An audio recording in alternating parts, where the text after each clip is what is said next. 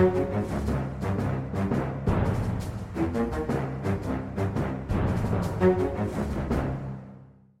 ruller vi i gang med en ny utgave av Aftenpodden. Eh, jeg er politisk journalist Lars Glomnes. Med meg så har jeg politisk redaktør Trine Eilertsen. God dag, god dag. God dag. Og kulturredaktør Sara Sørheim. Hei sann. Hallo.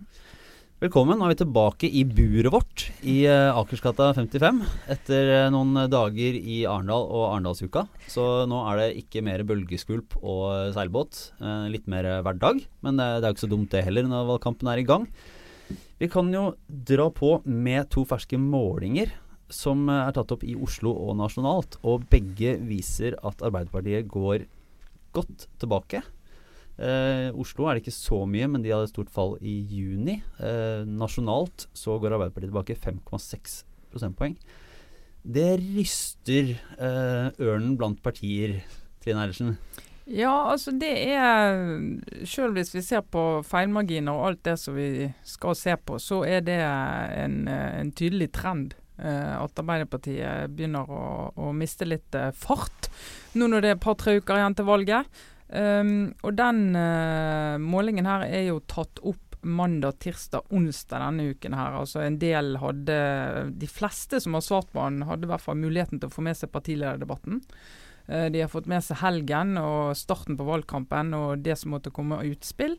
Uh, så det går an å lese denne målingen som en slags sånn første tilbakemelding på valgkampen. Og da er jo meldingen til Jonas Gahr Støre og Arbeiderpartiet at dette er ikke godt nok. Og de velgerne som har uh, sagt at de ikke helt har tenkt å stemme Arbeiderpartiet nå, de har ikke gått til et annet parti, de har satt seg på gjerdet. Venter på bedre tider. Men Hva er egentlig verst? Er det å miste til gjerdet, eller er det å miste til et annet parti? Uh, hvem er vanskeligst å vinne tilbake? Og Gjerdet er mye bedre enn et annet parti. For de som sitter på gjerdet, de har ikke gjort det slutt. De har tatt en pause i forholdet, som ikke nødvendigvis trenger å vare så lenge. Men hva er, det, hva er det, Arbeiderpartiet og, og, både lokalt og nasjonalt må gjøre for å vippe disse tilbake da, ned på riktig side og ned i Ap-hagen igjen?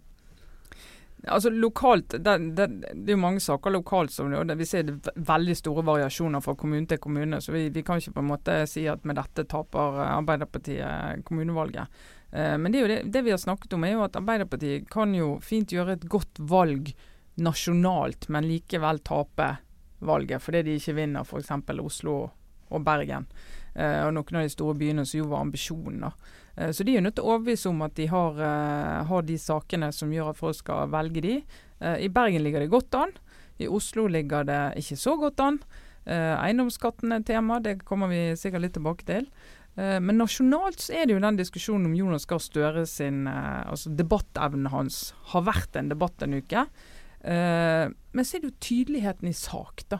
Ta kommunereformen. Det har jo ikke minst vi bidrar til å spa opp du, alt som finnes av uklarhet. Ja, det, det, alle sakers mor. Det tok jo tre uh, minutter før uh, Trine nevnte kommunereformen ja, i denne utgaven av Aftenpodden. Jeg, jeg har holdt meg fast, men jeg måtte nevne den. Men da, men da vi kom ikke så mye lenger rundt uh, forrige helg, da vi hørte i Arendal Haja Tajik, Helga Pedersen og Jonas Gahr Støre snakke om det på tre dager. Og det var egentlig tre forskjellige ting som ble sagt. Og det, det er klart at det, hvis en del velgere som eh, på en måte lengter etter eh, styringspartiet og ørn blant partiene, som lurer på hva Arbeiderpartiet mener, så er det typisk sånne ting som gjør at de kan sette og tenke og se det litt an. Det er typisk også den svakeste siden til eh, Støre som debattant. Det er vel akkurat når han blir for utydelig. Han er, han er jo en stor retoriker når han virkelig kan dra de lange linjene og, og være litt sånn um, allvitende, orakelaktig. Som en utenriksminister f.eks. ganske i stor grad får lov til å være på type Dagsnytt 18 og andre arenaer hvor man kan få snakke ut. Han uh, har jo vist seg, akkurat som noen frykta på forhånd, uh, å være relativt dårlig i veldig sånn konfronterende situasjoner. Og den derre kommunereform... Uh, diskusjonen, som jeg nå pga. Trine Eilertsen har blitt eh, faktisk nesten interessert i sjøl. jeg ser jo det. Det går jo ikke an. Du kan ikke vinne velgere når ikke engang partiledelsen er enig, og når den sterkeste velgermagneten du har, nemlig at du er styringspartiet, du er partiet som rydder opp Når det blir sådd tvil om det, altså at Arbeiderpartiet plutselig har blitt sånn soft parti som ikke er i stand til å svinge pisken når pisken må svinges jeg tenker Når du mister det, så er det, da, da skjønner jeg også hvorfor eh, prosentene forsvinner på, på meningsmålinger. Men jeg syns det er rart at de ikke har sett dette før valgkampen starta? Men er det at, at Støre og Arbeiderpartiet ikke er gode nok, eller er det litt sånn at man ser at uh, altså det blir en sånn selvforsterkende effekt. da, At man begynner å snakke om problemene til Jonas Gahr Støre, og så er, det, så er det mindre attraktivt å skulle, å, å skulle stemme Arbeiderpartiet eller si at man gjør det, og derfor så faller det. Og så måte, ruller den ballen.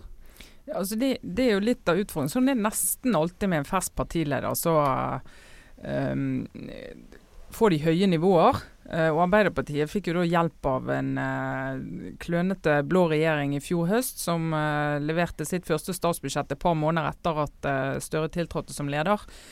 og lå jo på en bølge i vinter som var helt urealistisk, hvis du skal tenke valg. Men det, mye av det vi snakker om nå, er jo fall sammenlignet med det, så det må vi jo huske. Men at Arbeiderpartiet er under 30 nå, det, det er noe mer.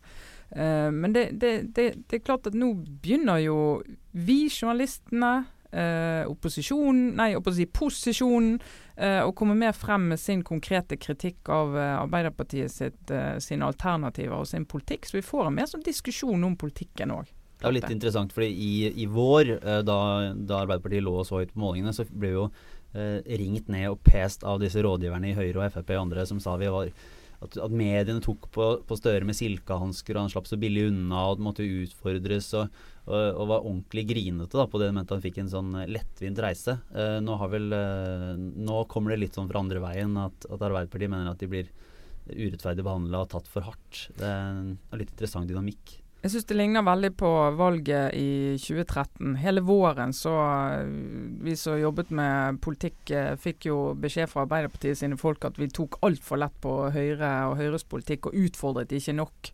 Uh, de kom for lett unna med kritikken sin mot regjeringen. Så kom høsten, og så kom det kjøret på formuesskatten og Høyre. Og Det er en litt sånn naturlig dynamikk òg. For det er klart når vi nærmer oss valgdagen, og utfordrerpartiet skal, skal, vise frem hvorfor vi skal velge de istedenfor de som har makt, så er det jo, får jo journalistene alle mer sånn interesse for å vise ja, hva er egentlig alternativet. Men sånn generelt gjennom året er det klart at vi skal være mest kritisk mot de som har makt, de som er i posisjon. Det er rollen og oppgaven vår, uansett hva, si, hva profil vi har på lederplass, eller hva det måtte være. Men det er også interessant hvordan eh, rådgiverne på den ene siden eh, er veldig tydelige på at det er saker som avgjør valget, og ikke journalister. Men på den andre siden bruker veldig mye tid på å påvirke journalister. Så det er klart det ligger jo en, eh, en makt som vi også skal ta alvorlig da, i hvordan vi stempler de ulike um, politikerne. Og det er klart, når, når, eh, Støre får et stempel som at han ikke lykkes i debatter, så blir det jo en selvforsterkende effekt. Men du har ikke makt, tror jeg, Trine, til å Hvis du skriver at Støre er dårlig, så, så tror jeg ikke det i utgangspunktet er det som ødelegger for han. Altså, utgangspunktet her er at han har hatt relativt dårlige saker og eh, gjort relativt dårlig. Det starter jo med det. Ja. Selv om rådgiverne kan, eh, kan, påstå så mye de vil at det er eh, mediene som på en eller annen måte um, vipper han over på andre siden, da. Så ser man jo at det er viktig fordi uh, denne målingen vi hadde nå nasjonalt, hvis ikke jeg husker helt feil, så var det jo altså det er 25 da, som sier at de ikke har bestemt seg. Og Det betyr jo at den informasjonen som kommer ut til dem i løpet av de neste tre ukene, vil jo gjøre at en veldig stor andel faller ned på et, et, et parti og, og, og, bestemmer seg da. Så da har det jo mye å den, den, den informasjonen og den, de vinklingene som kommer, får jo mye å si, selvfølgelig. Og da blir skuldrene ganske høye. Mm. Ja, det gjør det. det, det og det, det, er litt, kan tenke deg, mange av oss vi leverer hver dag. Og så eh, av og til går det bra, av og til går det dårlig. Eh, men vi prøver på nytt igjen i morgen. Men her er det litt sånn som sånn sportsmesterskap, sant? eller en stor konkurranse. Det er den dagen det gjelder. Så det er klart du blir veldig stresset på alt som kan eh, ødelegge for det, da, sånn som du oppfatt, vil oppfatte en del av mediedekningen hvis du sitter i et valg, valg, valgkampapparat. Men Noe jeg har litt forståelse for, er eh, den frustrasjonen over ikke få eh, snakke ferdig, som man jo hører hele tiden. Men denne uka har jo mange diskutert eh, NRK sin valgdekning, og særlig Anders Magnus sin rolle som programleder i disse her utspørringene. Og eh, jeg, jeg, satt faktisk og så på det på nettet etter at jeg hadde sett debatten eh, om Anders Magnus' sin utspørring av først Raymond Johansen og så av eh, Miljøpartiet De Grønnes eh, førstekandidat i Oslo. Jeg tror kanskje det er litt delte meninger her i Aftenpodden, men jeg må si at akkurat i den sammenhengen der så har jeg forståelse for, eh, for politikernes klaging. Fordi det var rett og slett eh, for mange avbrytelser. Og det var vanskelig å skjønne hva politikerne som han intervjuet, mente. Men det var ikke fordi de ikke hadde et budskap, det var fordi de fikk ikke tid. Det her er, er så fint, for dette har jeg da kjempa for å få inn i Aftenpodden hele uka. eh, og engasjert meg veldig mye i. Og jeg er da helt uenig. Ja. Jeg mener jo at, at Anders Magnus, uh, som jo kan ha en litt slitsom stil, uh, jeg skal innrømme det, men når du så disse folka fra Arbeiderpartiet som begynte å hisse seg opp på Twitter og sosiale medier da det skjedde, og var litt sånn bare raste fortvilelse over hvor vanskelig Magnus var med Raymond Hansen, så så jeg jo den, også debatten i etterkant. Og jeg syns jo Raymond Hansen kom bedre ut av den utspørringen enn nesten noe jeg har sett han før. Jeg syns han var mye mer konkret. Jeg syns han ble tvunget til å komme med ordentlige svar. Og jeg syns han mestra det ganske godt. Og så tok han med et glimt i øyet, og han, det var, var en kamp. Men han, eh, jeg syns han eh, klarte det bra. Så, han vokste på motstanden, på en måte? Ja, jeg syns det, da. Og så syns jeg jo at uh, Berg fra, fra, Miljøpartiet De Grønne gjorde jo ikke det. For hun er jo ikke da, da like godt trent, og uh, måtte falt mer igjennom. Og da, da ble det jo litt sånn pute-TV, fordi det uh, han, hun ble avkrevd konkrete svar, og så vegret hun seg, og så ga hun etter. Og så, ja, den Dynamikken ble ikke like god der. Men jeg, jeg syns det var litt trist at NRK uh, jenka seg. Og ja, ja, jeg, jeg synes litt to ting med den første seansen. Jeg hadde egentlig ønsket at det var de som satt med makt i Oslo som skulle svare først. Uh, og ikke de som utfordrer makten i Oslo.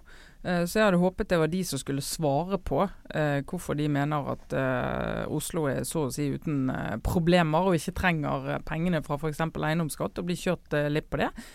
Og, og, da mener jeg et sånt konsept fungerer ganske godt hvis du har egentlig ett spørsmål du vil ha svar på, og ikke mange. Fordi at Hvis det blir mange, og den som skal svare aldri får snakket ut, da sitter du igjen med, og det satt jeg igjen med på tirsdag, så tenkte jeg ja, hva vil Raymond Johansen med Oslo?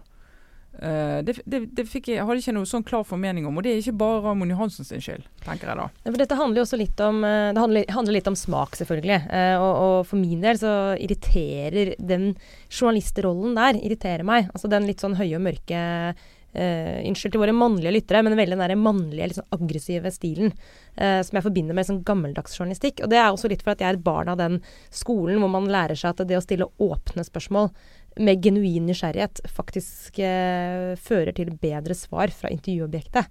Noe jeg syns NRK egentlig har fått til med Ingunn Solheim som programleder i Debatten. Jeg syns hun har en mye mer sånn åpen måte å stille spørsmål på, som jeg syns fører til bedre svar. Men når det er sagt, så jeg skjønner jeg hva dere mener òg. Det med at uh, har du makt, så må du forvente å bli konfrontert. Um, og i intervjuet som Eller i utspørringen av um, Fabian Stang i går, så var eh, Anders Magnus litt roligere. Men der syns jeg også at han Da hadde han ett spørsmål, og det var hvordan kan du klare deg uten inntektene fra eiendomsskatten? Som han kjørte Fabian Stang på, og det syns jeg faktisk fungerte. Eh, for der hadde han ett spørsmål som han mm. skulle ha svar på, og som han til slutt fikk et den, og der kunne han faktisk vært enda tøffere, syns jeg. da. Så det er, jo, det, det er, jo, ikke lett. Det er jo ingen som er fornøyd hele tiden. Nei, Nei Jeg mener det er kanskje fordi jeg mer eller mindre prinsipielt mener at norske medier er litt for snille i spørsmålsstillingen. Og det, det kan jeg ta selvkritikk på selv også. Mange norske politikere slipper litt billig unna når de velger å svare på noe annet enn det de blir spurt om. Mm. Så er det ofte lett for dem å, å bare starte på en, en lang, et langt resonnement, og så får de, får, de, får de bare prate det bort. Da er det ganske litt forfriskende i hvert fall å se noen som går hardere på. og Det er noen av de beste med sånn minneverdige intervjuene er jo de som, eh, som er litt, eh, ja, litt høye og mørke og krever svar. Så det er jo ikke alt jeg mener er, har vært helt riktig i den uh, Magnus-metoden uh, heller. Men det er i hvert fall jeg mener er en viktig bidrag da, til den norske politiske journalistikken. At man har noen innslag som er litt tøffere og litt hardere. Det det fordrer, hvis den formen skal funke, det er en programleder som er sykt godt preppa på de temaene han skal, eller, eller hun tar opp, og som uh, har en plan og vet øh, hvor han vil. Sånn som Hardtalk på BBC. Mm. Det nevnes veldig ofte i denne sammenhengen. Der er det ekstremt godt forberedte journalister som spør ut diverse maktpersoner i en veldig konfronterende stil det fungerer. Det er bra TV, og det er eh, TV som gir også altså, måte, Det er opplysende samtaler. Du kan lære noe av det. Men ja. Eh, det er jo også da noen av verdens beste programledere. Jeg er ikke sikker på om Anders Magnus er helt i den kategorien. Men jeg vil jo, før vi avslutter akkurat denne bolken, vil jeg faktisk gi en liten blomst til uh, Bjørn Myklebust i NRK, eh, Politisk kvarter, som jeg syns har eh, det. Han er en av de beste til å konfrontere politikerne, syns jeg, i vår, i vår andedam. Den støtter jeg. Absolutt. Men ja, det er jo veldig lett for oss uh, som er medieinteresserte. Så når vi kan snakke om våre egne ting og våre egne kollegaer og uh, eget, uh, eget, fagfelt, så, så, er jo det moro. Men en ting vi var inne på, som er det å, å stille, stille Høyre mer til ansvar, og i og for seg også Fabian Stang. Altså Framover nå, det er jo opp til de som har styrt hovedstaden da, i, i 18 år, å svare for en del ting. Og Trine, hva tror du blir de temaene, eller hvordan er det de bør utfordres nå i ukene fram mot valget? Ja, altså, eh, Som jeg nevnte så vidt, jeg syns jo eh, Oslo, altså byrådet i Oslo må jo utfordres på eh, at de ikke trenger de pengene som Arbeiderpartiet mener at de trenger for å få en bedre eldreomsorg og barnehageplasser og alt dette. Uh, og det svarer de på uh, til dels, men det, det, vi blir ikke lei av å høre om det. Hvordan de skal gjøre det. Hvis de sier de skal gjøre mer, levere tjenestene mer effektivt og jobbe smartere, og alt det, så må vi vite hvordan de skal gjøre det. Altså, da er det liksom vår oppgave å, å presse de litt på det. og Så ser vi denne eiendomsskattdiskusjonen i Oslo. Vi kommer med en leder i morgen, litt refs til Oslo Høyre. Uh, og måten de uh, har gått inn i den diskusjonen på, når Fabian Stang i dag uh, argumenterer med at brød og melk blir dyrere i Oslo fordi at de som eier butikkene leier eh, hos folk som må betale eiendomsskatt. Eh, da blir jeg litt oppgitt. Det syns jeg er useriøs måte å debattere en sånn sak på. Da syns jeg det er litt sånn pressen sin oppgave da, å peke på at vi ønsker å diskutere substansen i, eh, i forslaget. Hvordan slår det ut? Du skal ikke manipulere med tall og uh, fremstå det som verre enn det er. Uh, og du skal forklare ditt alternativ. da. Så, så Sånne ting må, må, de som sitter med makt. Og I Oslo har Høyre sittet makt i 18 år. Eh, de kan egentlig ikke utfordres nok. Men det er jo også et spørsmål om hvor gode Nå skal vi ikke begynne å snakke om pressen igjen, men rett og slett hvor gode vi er på lokale saker. Uh, en ting er i Oslo, der er vi relativt godt orientert. Men eh, disse sakene som avgjør denne valgkampen, det er jo alt mulig rart. Eh, det er også fascinerende selvfølgelig med en kommunevalgkamp. Men selv i Oslo, som vi kjenner godt, så er det ikke godt å vite. Hva er det egentlig som flytter eh, velgere? Eh, hva er det egentlig som gjør om du bestemmer, seg, bestemmer deg for rødt eller blått? Eh, noe som er med på å gjøre det ekstra spennende også at denne valgkampen i Oslo er så åpen. Jeg vet ikke om du Trine, som, som har erfaring med å, med å, dekke valg i en årrekke, som det heter, har en magefølelse nå. For jeg er ikke i stand til å liksom, gjette hvilken vei vinden kommer til å blåse. Har du en tør du å gjette allerede nå? Nei, altså Jeg har jo fått eh, godt betalt i flere år for å gjette på sånt. Jeg har gjettet feil og holdt på. Så, så det, det, tør jeg jo selvfølgelig. Ja. Men eh, det er jo ingen som stiller meteransvar, holdt jeg på å si. Eller sånne som oss tar ansvar. Men eh, nei, jeg, synes, jeg, synes det, jeg, skal ikke, jeg vil i hvert fall ikke torde å være bombastisk og skråsikker. Da. Litt uh, tryggere på prognosen, holdt jeg på å si. Byer som Tromsø og Trondheim og ja, Bergen òg, vil jeg nesten si. Eh, hvis KrF eh, skifter side fra Høyre til eh, Arbeiderpartiet. Men Oslo er åpen, altså. En ting som Hvis vi går litt nasjonalt igjen, bare, og, og valgkamptrenden. En ting som vi vet at Siv Jensen og Frp mener trekker velgere, er i hvert fall Syria-spørsmålet og innvandring. For Frp har jo blitt anklaget for å trekke innvandrerkortet i starten av valgkampen. Og hvis det fins, så har det vel i hvert fall blitt trukket eh, denne uka. For det starta jo med valgkampåpningen i Ålesund, der Siv Jensen snakket og ba kommunene gjøre et lite opprør mot regjeringens eh, Syria-planer. Eh, og så var det Per Sandberg som var ute i Dagbladet og advarte mot en flom av innvandrere. Og så kom Carl I. Hagen med sitt 'send dem på båten tilbake'-utspill. Er det en Man ser jo at Frp har gått, gått litt fram på de målingene som har kommet siden. Er det en, er det en vinnersak? Ja, det er en vinnersak for uh, eh, Frp. og det, Når Frp lunker uh, stille og rolig på målingene, så er det jo ofte fordi at det ikke er en debatt overhodet om det. Uh, så Viktige saker for Frp det er eldreomsorg og det er innvandring. Eldreomsorg er en vanskelig sak for Frp i, i, denne valgkampen. De sitter i regjering, de har fått i gang en forsøksordning med litt statlig finansiering av eldreomsorg som de ønsker seg. Men, men de, de, kan ikke nå gå inn og liksom bare rope om hvordan alt skal bli bedre ute i kommunene. Så da er det denne saken her som på en måte kan redde, eh, redde resultatet. Og det, Vi ser jo at det får effekt på målingene. Eh, vi så før sommeren at de hadde et lite oppsving da vi diskuterte Syria etter påske og utover i mai. Så at de falt igjen når vi sluttet å snakke om det. Så det, det er veldig sånn én til én på, på den saken. Utfordringen nå blir å holde liv i han frem til valget. Uh, det tror jeg de nok på et eller annet nivå skal få til, men det blir, det blir spennende å se på intensiteten i det. Det er interessant også, eller Jeg lurer faktisk helt sånn genuint på hvilken rolle Carl I. Hagen spiller i, den, eh, i strategien til toppledelsen i partiet.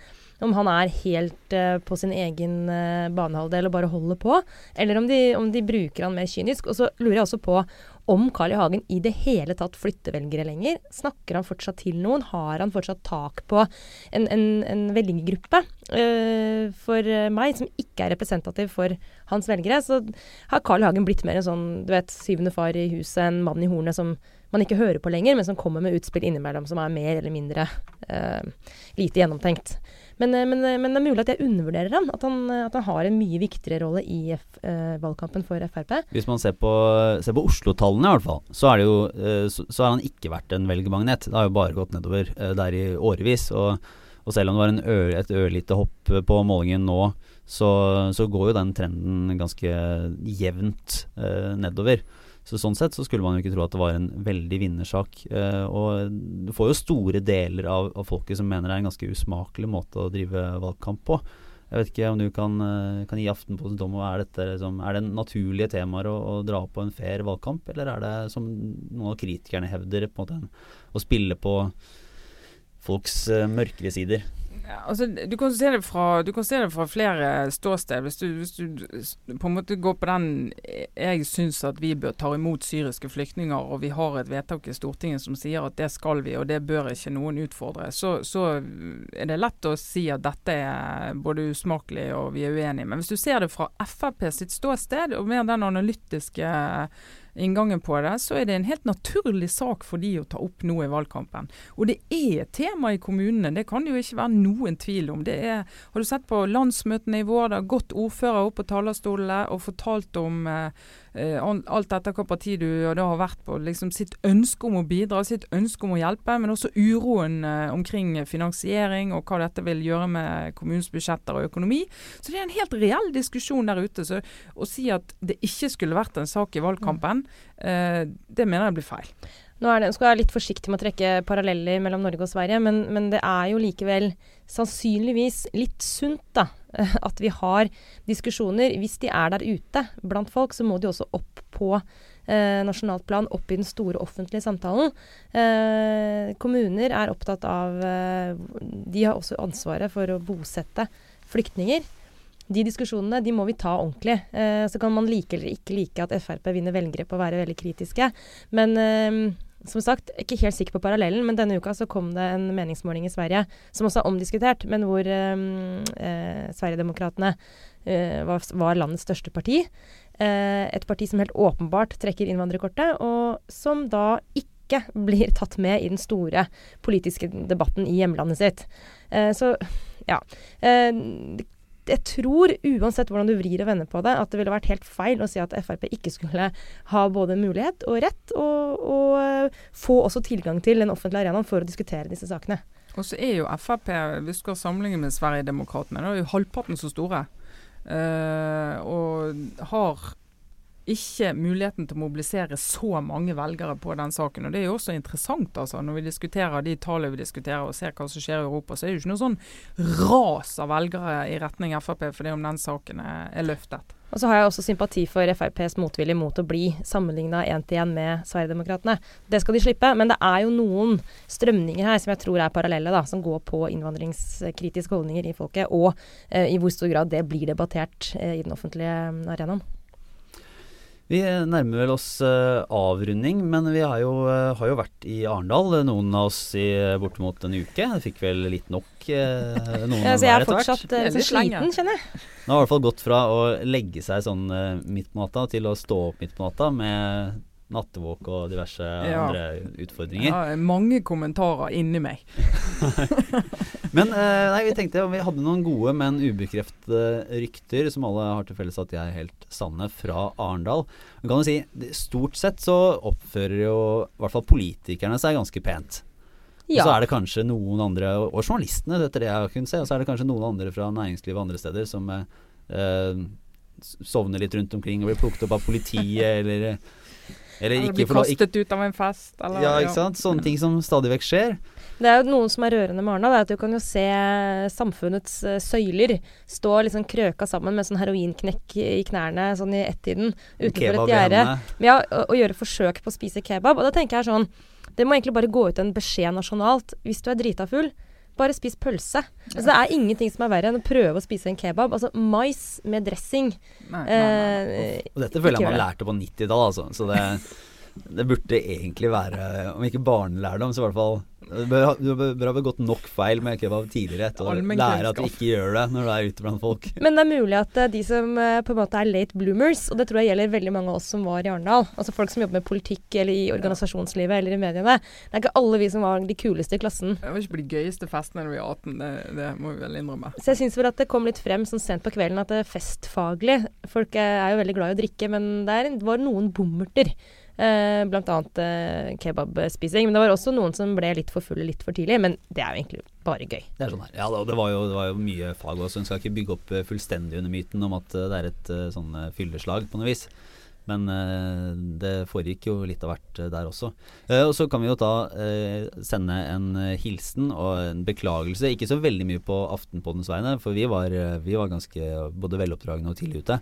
Men kultursjefen i Arendal Jeg vet ikke om kultursjefen vet hva som foregikk i, eh, i huset hans eller hennes. Eh, for der var det jo Der, der holdt eh, Dagbladet nachspiel, og der var alle etter partilederdebatten på mandag. Ja, altså jeg syns også Dagbladet fortjener honnør for å eh, være best på å planlegge nachspiel.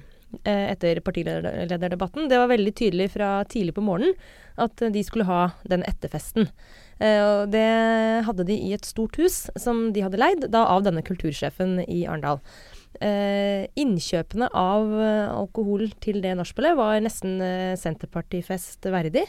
Så det betød, og det var det som var avgjørende, tror jeg, for at eh, absolutt alle, altså hele Arendal sentrum, flytta seg inn dit. Og da var det da rådgiverne til eh, Støre og til eh, eh, Solberg. Og det var alle sjefene i alle de store mediehusene, bl.a. Kyrre Nakkim i NRK, som jo fikk eh, så huden eh, Hva heter det? Ikke så huden flagra, så men huden eh, huden full. Fikk huden full eh, av alle, egentlig, med tanke på hvordan han hadde, eller en, hvordan NRK hadde lagt opp eh, debatten. Hvem de hadde sørget for at fikk en lettere reise enn andre, osv. Eh, og så var selvfølgelig alle journalistene der. Og til sammen tipper jeg det var Litt flere enn det kultursjefen visste om. ja, Det er uten at vi skal 150 gå inn i- mennesker eller noe. Ja. Men morsomt var det. Var, ja, og der får man jo se, for oss som, eh, som er da skrivende journalister først og fremst, eh, får jo også en del sånn tyn fra politikere og rådgivere fordi man tar, liksom, tar, gir dem for lite plass, eller skriver feil sak, eller ikke skjønner, eller bare er eh, generelt irriterende. Men det er jo ingenting mot det NRK-folket får på sånne anledninger der eh, slipper seg litt løsere rundt halsen. For eh, der er det mange krav og innvendinger og i det hele tatt. Det følges jo opp hele veien, for de er visst så urimelige. Ja, det jeg tror eh, NRK er sannsynligvis de som blir utsatt for det mest massive utskjellingsfrekvensen i en valgkamp. Uh, utrolig høye skuldre i partiene disse ukene her. U og de tolker alt nesten litt sånn paranoid, tolker de dekningen inn i eh, at noen har en antipati eller sympati eller et eller annet. Eh, så jeg vil eh, Jeg tror Kyrre Nakkem er sannsynligvis en av de mest utskjelte i, eh, i norske medier, og leder for politisk i NRK. Det er jo ikke uvanlig der at en rådgiver på SMK ringer midt i Dagsrevyen og krever dementi før værmeldingen på en eller annen sak. Altså Det er utrolig intenst. De er så opptatt av hvordan de fremstår. Og sånn som de debattene hos NRK arrangerer, så er de opptatt av temaene, hvem som møtes i dueller, hvor mye taletid de får. Eh, hvis ikke de får snakket nok, eh, hvis Audun Lysbakken ikke fikk snakket nok på mandag eh, om klima, eh, og noen kanskje hadde tenkt at han skulle få sin sjanse på Syria-saken, og han ikke benytter den sjansen, så får de høre det etterpå, fordi at ikke han har fått nok taletid. Og sånn går dagene og timene, og det er utrolig trøkk. Så jeg tror det er, mulig, hvis ikke det var noe, hadde noe siste, så, så tenner vi et lys for uh, Kyrin Nakkim. Men vi kan også legge til for uh, de av våre lyttere som ikke kjenner Kyrin Akim, at uh, er det en som tåler å bli kjefta på, så tror jeg også at, at det er han. Ja. Uh, det går litt, eh, han har den evnen som ofte er en fordel, nemlig å ikke ta ting så veldig inn over seg.